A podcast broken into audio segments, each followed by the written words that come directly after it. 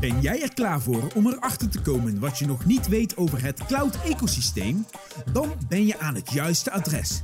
Deze podcast bespreekt tips en tricks in doing business met ondernemers door ondernemers. Alles voor cloud business met jullie gastheer Lee Schie en Ruud Ramakers. Fijn dat jullie luisteren naar de eerste podcast van SaaS for Channel. De podcast van en voor ondernemers in het cloud-ecosysteem.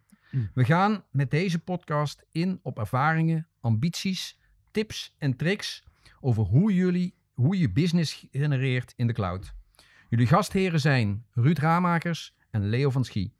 In deze podcast gaan, eh, gaan we in op het wel en wee van software van eh, Marco Mantel. Hallo Marco, welkom. Stel je even voor en je bedrijf. Ik, eh, mijn naam is Marco Mantel. Ik ben eh, CFO en eh, consultant bij eh, Software. Ehm, software is de software specialist voor de modebranche. Wij automatiseren alles van artikelinvoer tot en met het kassenbonnetje, dan wel de factuur. Want wij doen het zowel voor winkeliers als voor groothandels. En, en wat doen jullie met barcodes?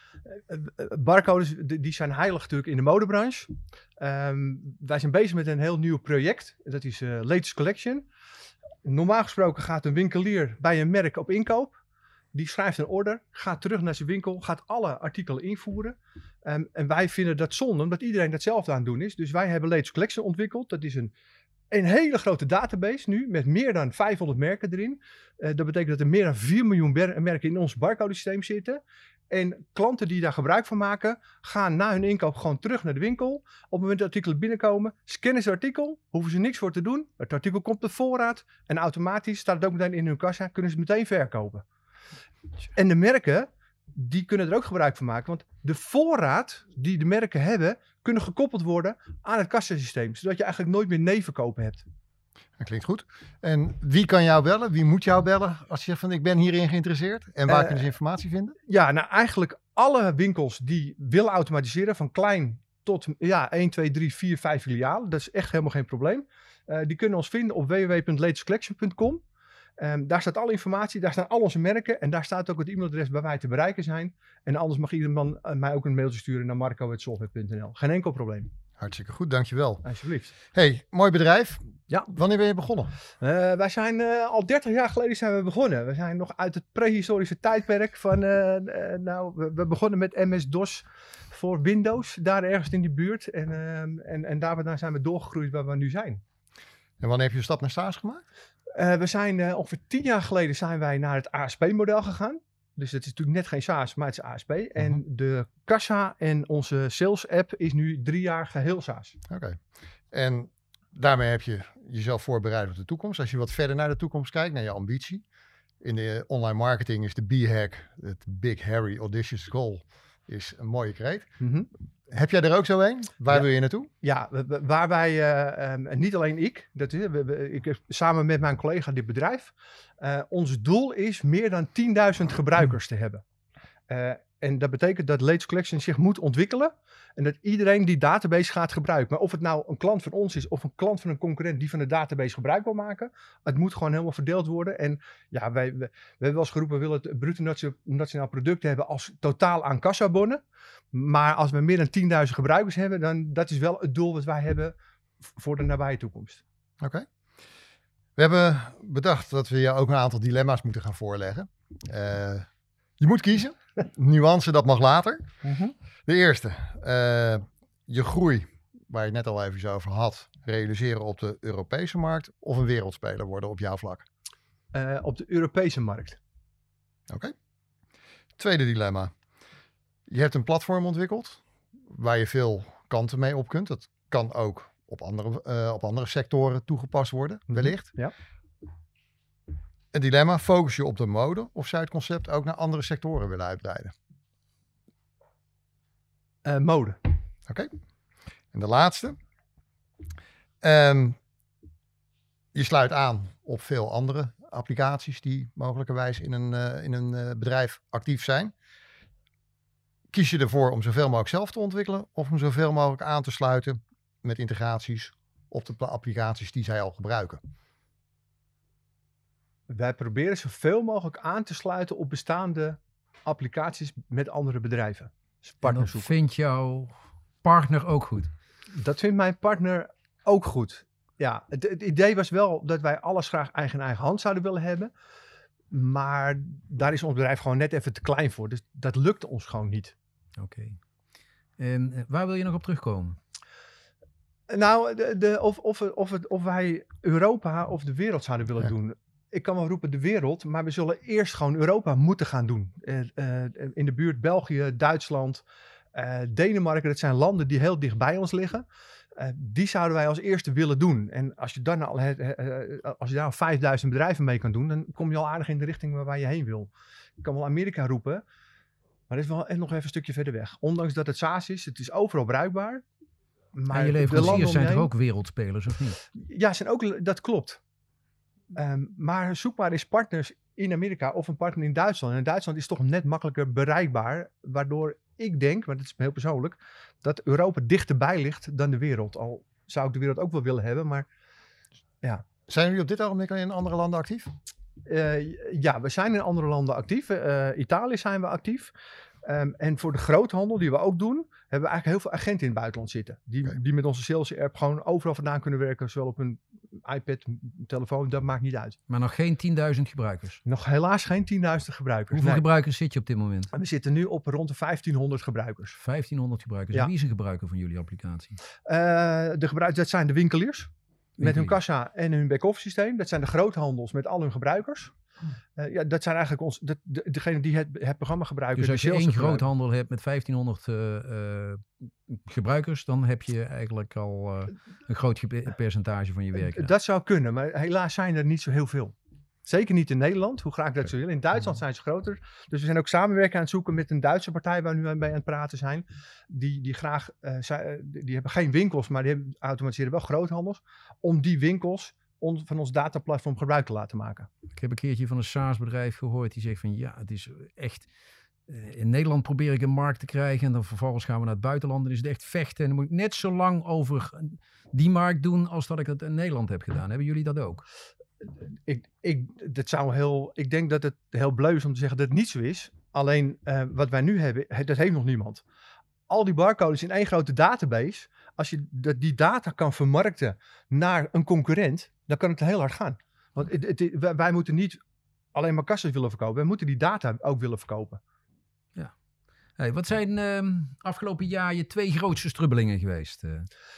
Ja, nou ja, privé eh, en zakelijk, eh, dat zijn twee strubbelingen. We, sowieso privé-zakelijk door elkaar heen lopen met de hele corona. Eh, wij kunnen he- heel goed thuiswerken, maar dat betekent ook dat je om zeven uur achter de computer kruipt. Om twee uur nog eens een een broodje onder je deur doorgeschoven krijgt, maar om negen uur of tien uur gaat stoppen met je werk.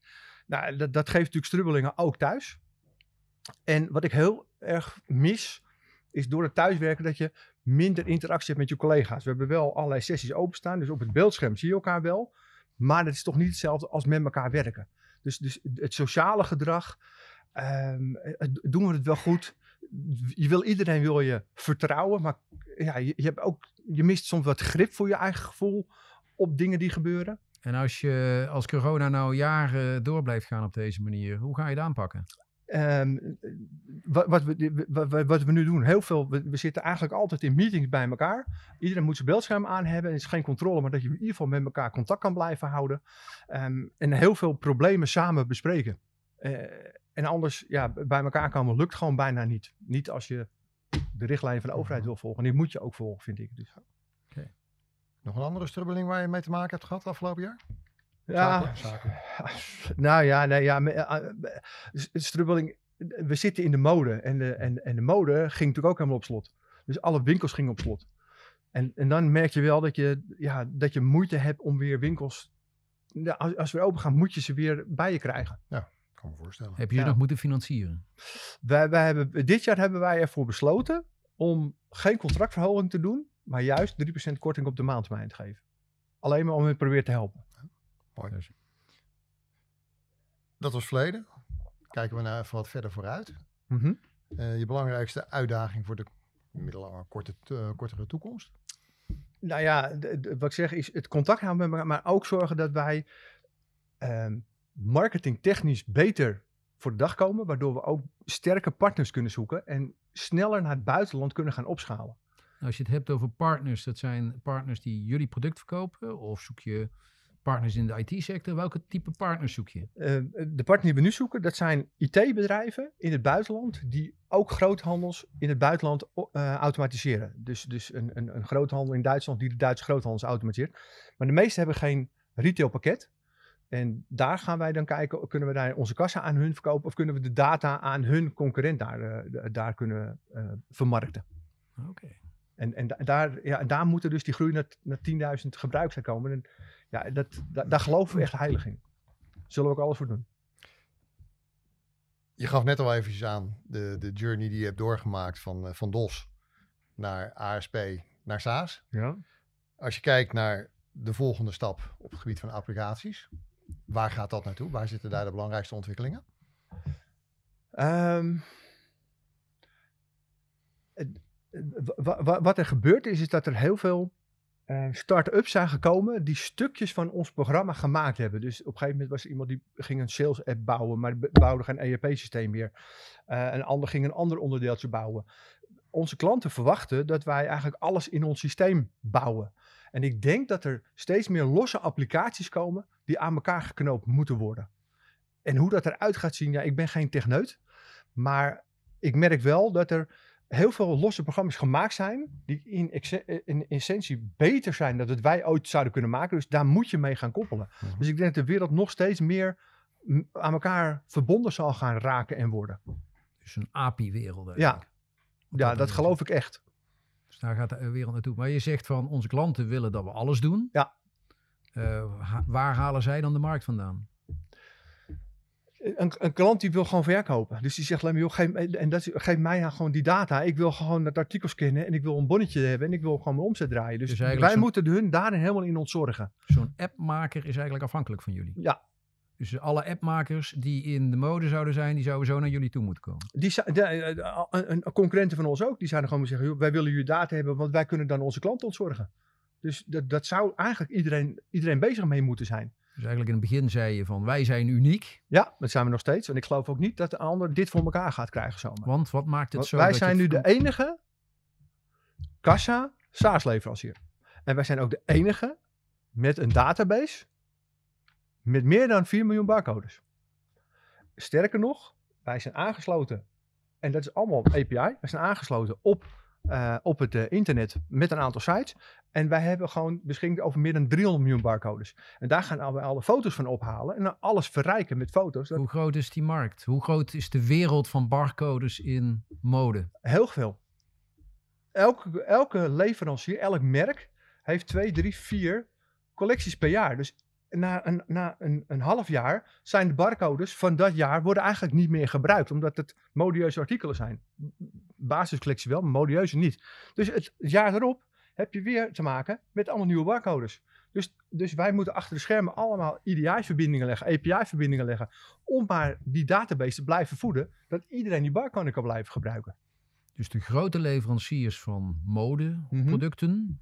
ehm, ik ben niet zo thuis in die Nee. modewereld, maar die zouden eigenlijk rechtstreeks naar jullie moeten komen Ja, om dat, Dat te leveren. klopt. Platform voor Ja. maken. Dat, ik, dat, vind- maar goed, het is natuurlijk heel makkelijk om te zeggen, dit is natuurlijk ook ons, onze business. Maar op het moment dat iedereen dat zou doen, en wij kunnen dat verdelen, dan, dan ben je eigenlijk een platform aan het worden voor alleen maar modeartikelen. En dan kan elke winkel erop draaien.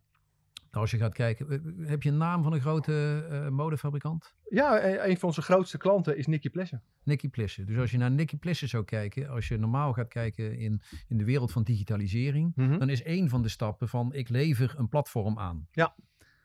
Nicky zou je kunnen overnemen. En dat, daar hebben wij ook over na zitten denken. En dat is niet, en we hebben het nooit voorgesteld, maar dat zou kunnen. Zij zouden ons eigenlijk kunnen overnemen. En, en, en dan daar alles op zetten. Oké. En dat zou, eh, en, en een andere grote is Air Force, die zou dat ook kunnen doen. Ja, dat, dat, eh, eh, of, of een concurrent van ons, of een merk die geïnteresseerd is ook in de verkoop van andere merken, zou ons over kunnen nemen. We hebben het, een van de, de, de, vragen die we hadden staan is hoe ziet het ideale cloud ecosysteem eruit? Als Ja. ik jou vanuit het vorige stukje van jou luister, dan is het wellicht het platform met de connecties. Ja. Kun je daar nog iets meer over vertellen? Hoe dat... Ehm, Ja, wat ik zeg, ik ben geen techneut. Dus, Nee. dus, dus maar de moeilijkheid is, ik, ik, het is één hele grote database en het komt binnen via EDI, het komt binnen via API, het komt binnen via CSV-bestandjes. Die, die verwerken wij ook allemaal. Ehm, en alles wat eruit komt, dat kan op allerlei manieren ook weer geëxporteerd worden. Of het nou in CSV moet zijn, of dat het via Fashion United moet lopen, of omdat het via welke partij ook moet lopen. Hmm. Dat kan allemaal. En doe je iets met artificial intelligence erop dan? Eh, nee. Nee. Nee. Waarom niet? Ah, Dat, dat do- doen al een aantal grote partijen zijn ermee bezig, maar het is nog veel te duur.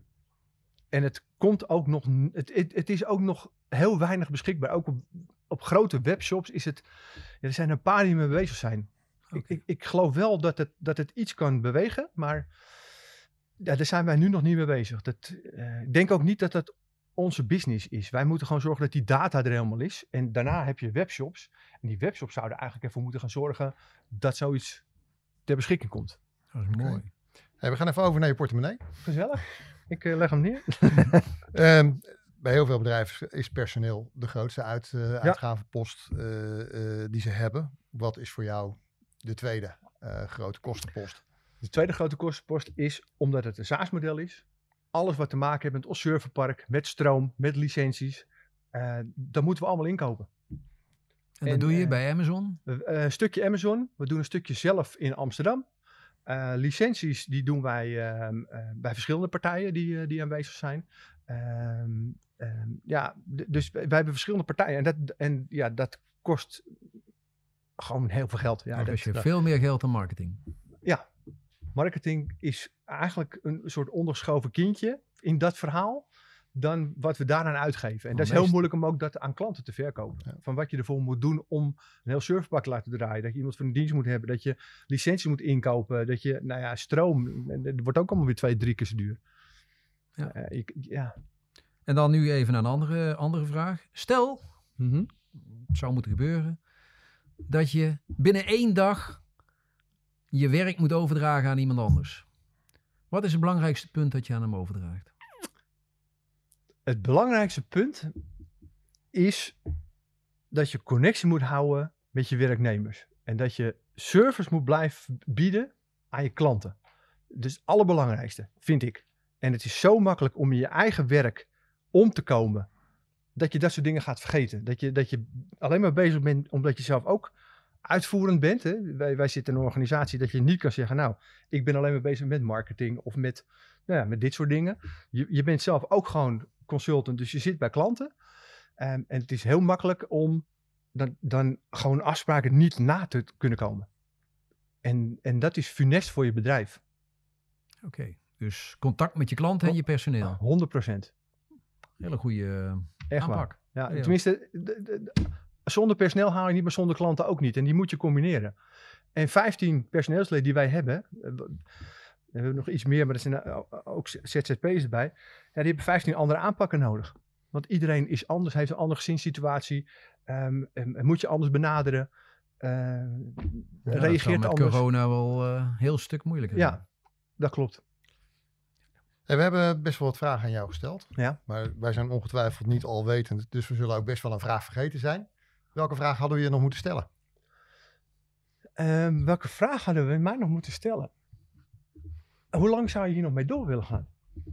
Marco, Ja, hoe lang zou je hier nog mee door willen gaan? Ja, het is een goede vraag. Dat, eh, ja, ja, ik ben eigenlijk financieel, dus ik kom van de financiële kant af. Ik vind het onwijze, onwijze leuk om mensen te helpen. Niet alleen op, eh, m- eh, op het gebied van automatiseren, op het gebied van, van, van, eh, ehm, van inrichting van je bedrijf, maar ook zo, op sociaal gebied. Dus op het moment dat iemand zegt, joh, maar ik wil jouw bedrijf overnemen en dan kan jij iets gaan doen wat jij misschien heel veel leuker vindt, dan zou ik, nou ja, niet de morgen voor tekenen, maar binnen twee, drie jaar zou ik ervoor tekenen. Maar dan zou ik wel iets voor de ogen willen hebben dat ik zeg van, nou, nou wil ik gewoon een mens helpen. Ja. En echt op het ruimste zin des woorden. Dat vind ik het mooiste wat er is. 30 jaar ondernemen zorgt voor grijze haren. Ja, eh, dat is, eh, als ik het langer laat groeien, helemaal. wat, eh, Ik heb vanmorgen even het baardje afgeschoren, want anders dan... eh, Ja? Ehm, even, je opvolger, volgende podcast die we opnemen, mhm. is Jean-Paul Dame van Zool. Ja. Wat is de vraag, de kettingvraag eigenlijk, die we steeds stellen vanuit eh, elke podcast? Wat is de vraag die je Jean-Paul zou willen stellen? Ja, ik heb, ik heb echt op, de, op, op zijn site even gekeken. En ik, ik vind het een hele indrukwekkende site. Ook wat hij doet, eh, wat hij omschrijft. En ik ben heel nieuwsgierig dat wat corona nu doet voor zijn SaaS-klanten, zijn SaaS-applicaties. En dat doe ik ook vanuit het feit, wat er bij ons gebeurd is, is dat heel veel klanten een B2C hebben genomen, want de winkels gingen dicht. Ja. Dus ik ben ook heel nieuwsgierig wat hij nu merkt, wat bedrijven gaan doen om te voorkomen dat als er weer een lockdown komt, eh, gaan ze meer in SaaS investeren of gaan ze toch iets anders doen? Dat, dat ben ik wel nieuwsgierig naar. Een hele mooie vraag. Die gaan we zo meenemen. Die gaan we zo meenemen. En dan denk ik dat we aan de afsluiting toekomen. En de afsluiting, we doen deze podcast van ondernemers voor ondernemers. Welke twee takeaways van jouw ervaring die je met software de afgelopen jaren hebt opgedaan, zou je je andere collega-ondernemers willen meegeven? Ja, nou, en dan, denk ik weer, maar ik, en ik ben, wat ik zeg, ik wil mensen helpen, maar ik ben daar ook een familieman. Ehm, probeer je tijd te houden voor je familie, voor je vrienden, voor je kinderen. En het is heel makkelijk om je te verliezen in je werk. En vaak wordt het ook goedgekeurd door je vrouw en kinderen. Want ja, je hebt je eigen bedrijf, dus je bent druk. Dus, dus probeer die balans, probeer die te blijven vinden. En bedrijfstechnisch gezien zou ik zeggen, maak doelstellingen, maar maak haalbare doelstellingen. En dat je die ook gaat vieren met elkaar. Dus niet de hele wereld. Maar Europa. Maar dat is in onze ogen haalbaar. Even een klein voorbeeldje. Wij moesten allerlei klanten op een gegeven moment omzetten van RDP naar SaaS. En toen hadden wij gewoon een, een bingo-apparaat staan. En elke keer dat iemand wat omgezet was, ging de bingo-bel en gingen we met z'n allen feestje vieren. Ting, ting. Ting, ja, en dat was hartstikke leuk. En na een maand kreeg je cadeaubonnen. En het- het- het- vier het. Vier iets haalbaars. Maar maak het wel haalbaar. Dat, dat, dat is het mooiste wat er is. Om met z'n allen iets te vieren. Dat je iets neergelegd hebt. Wat je ook kan ehm, meten. Als we zeggen, ja, weet je, ik wil volgend jaar in plaats van 2, 3 of 30 miljoen omzet hebben. Ja, dat weet je pas na een jaar te meten. Maar als je kleine dingetjes doet. En je kan het elke kwartaal kan je iets vieren. Dat, is echt heel leuk met je werknemers. Nou, Marco, wij mogen nu vieren dat we onze eerste podcast hebben opgenomen. Ik vond, Fijn om dat Ja. te doen. ik vond het hartstikke leuk. Ja, hartelijk bedankt. Dankjewel. Graag gedaan. En eh, ja, mochten jullie Marco eh, vinden, begin van onze podcast heeft hij gezegd, maar misschien mag hij het nog even aanvullen. www.latestcollection.com Hartstikke goed. Hartstikke Dankjewel. Bedankt. Hartstikke bedankt. Bedankt voor het luisteren naar de podcast van SaaS for Channel. Wilt u meer weten over wat er besproken is? Kijk dan op onze website saasforchannel.nl.